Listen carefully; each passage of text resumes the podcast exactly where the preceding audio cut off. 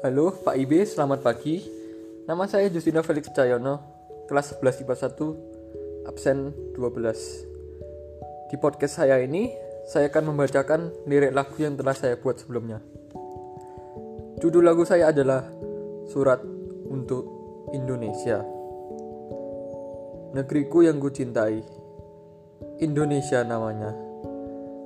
Pernah dijajah tiga abad lamanya sebelum bebas dan merdeka namanya. Negeriku yang kucintai, apa kabar kamu sekarang? Aku mengerti berat rasanya melihat perpecahan ada di mana-mana.